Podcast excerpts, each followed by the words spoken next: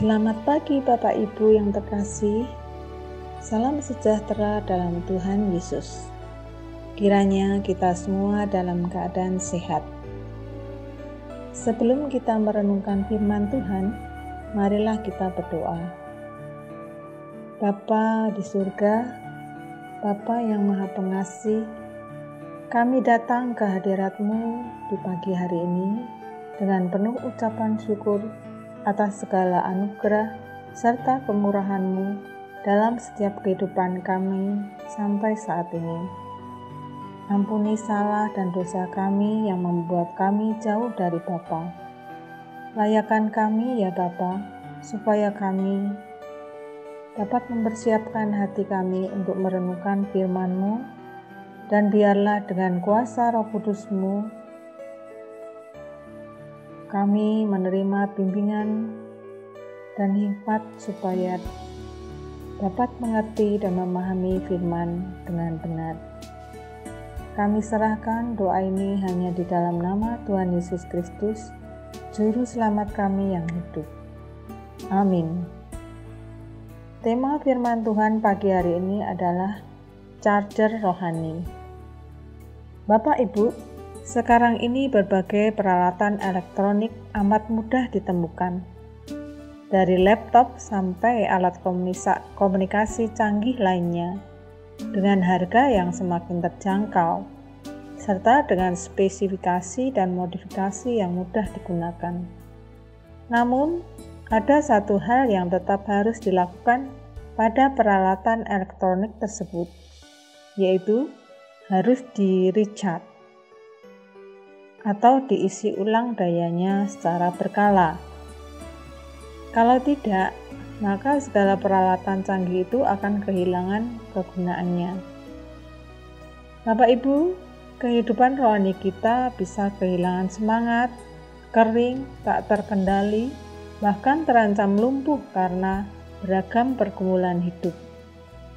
Oleh karena itu, hidup kita harus selalu di-recharge Orang Israel pun diperintahkan oleh Yosua untuk mericat kehidupan rohani mereka. Yosua menyadari bahwa bila Israel tidak memperkuat basis rohaninya, maka umat pilihan Tuhan itu bisa kehilangan kendali dan arah hidup yang sesungguhnya. Mari kita membaca dan merenungkan dari Yosua 8 Yosua 8 ayat 30 sampai 35. Yosua 8 ayat 30 sampai 35. Saya akan membacakan bagi Bapak Ibu sekalian. Misbah di Gunung Ebal, pembacaan hukum Taurat. Pada waktu itulah Yosua mendirikan misbah di Gunung Ebal bagi Tuhan Allah Israel, seperti yang diperintahkan Musa hamba Tuhan kepada orang Israel menurut apa yang tertulis dalam kitab hukum Musa, suatu misbah dari batu-batu yang tidak dipahat, yang tidak diolah dengan perkakas besi apa pun. Di atasnya lah mereka mempersembahkan korban bakaran kepada Tuhan dan mengorbankan korban keselamatan. Dan di sanalah di atas batu-batu itu dituliskan Yosua salinan hukum Musa yang dituliskannya di depan orang Israel. Seluruh orang Israel, para tua-tuanya, para pengatur pasukannya, dan para hakimnya berdiri sebelah menyebelah tabut berhadapan dengan para imam yang memang suku Lewi, para pengangkat tabut perjanjian Tuhan itu, baik pendatang maupun anak negeri, setengahnya menghadap ke gunung Gerizim dan setengahnya lagi menghadap ke Gunung Ebal, seperti yang dahulu diperintahkan oleh Musa, hamba Tuhan, apabila orang memberkati bangsa Israel.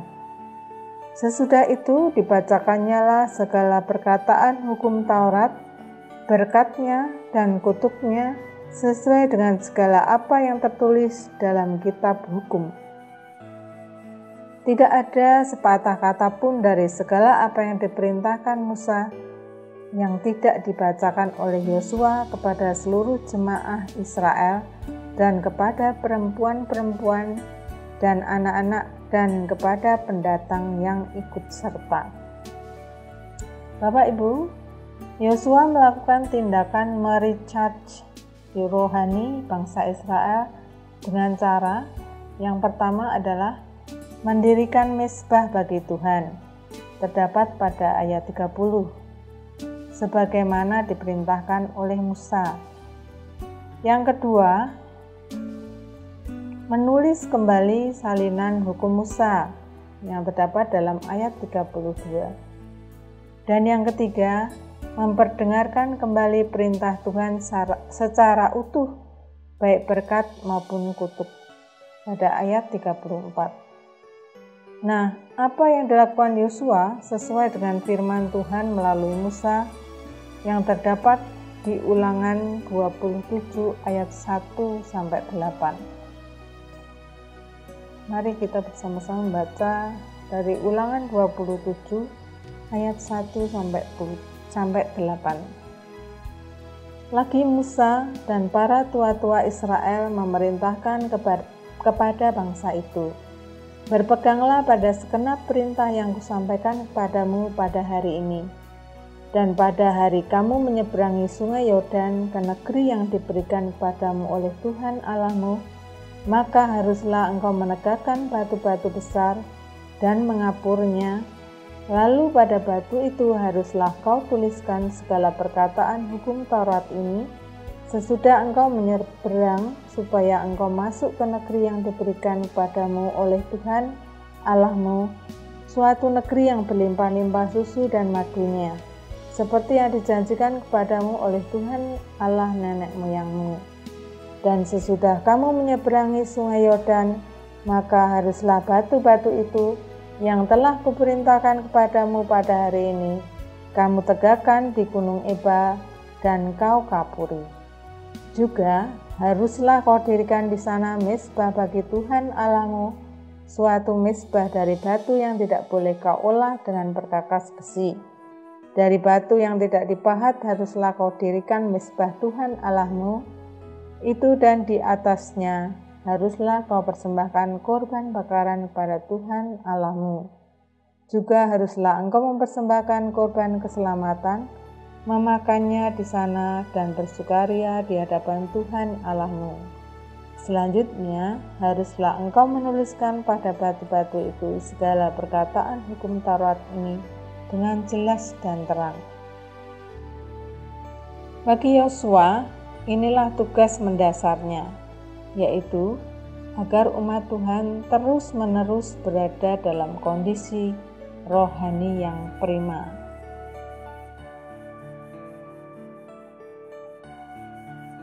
Bapak Ibu, charge rohani bagi umat Kristen adalah persekutuan dengan Tuhan yang diisi dengan doa dan perenungan firman Tuhan.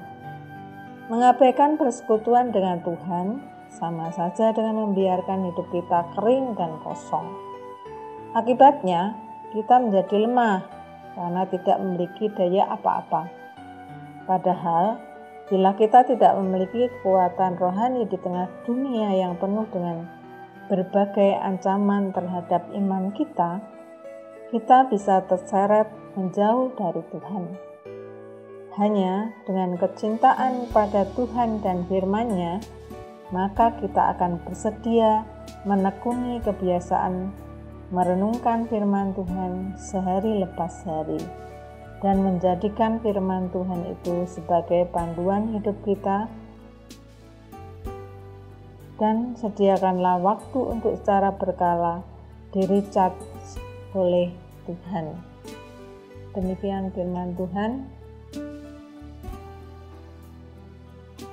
Mari kita berdoa.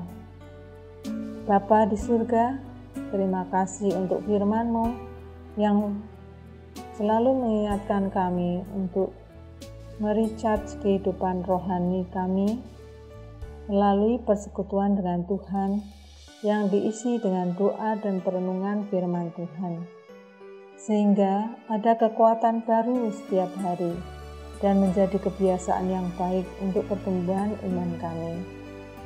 Biarlah dengan pertolongan dan kuasa roh kudusmu, kami semua dimampukan untuk melakukannya.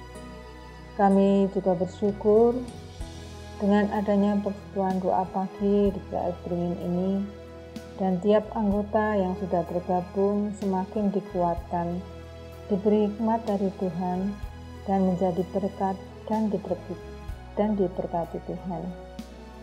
Kami serahkan aktivitas kami sepanjang hari ini Tuhan ke dalam tangan pengasihan dan kehendak Tuhan saja. Dalam nama Tuhan Yesus Kristus kami berdoa. Amin.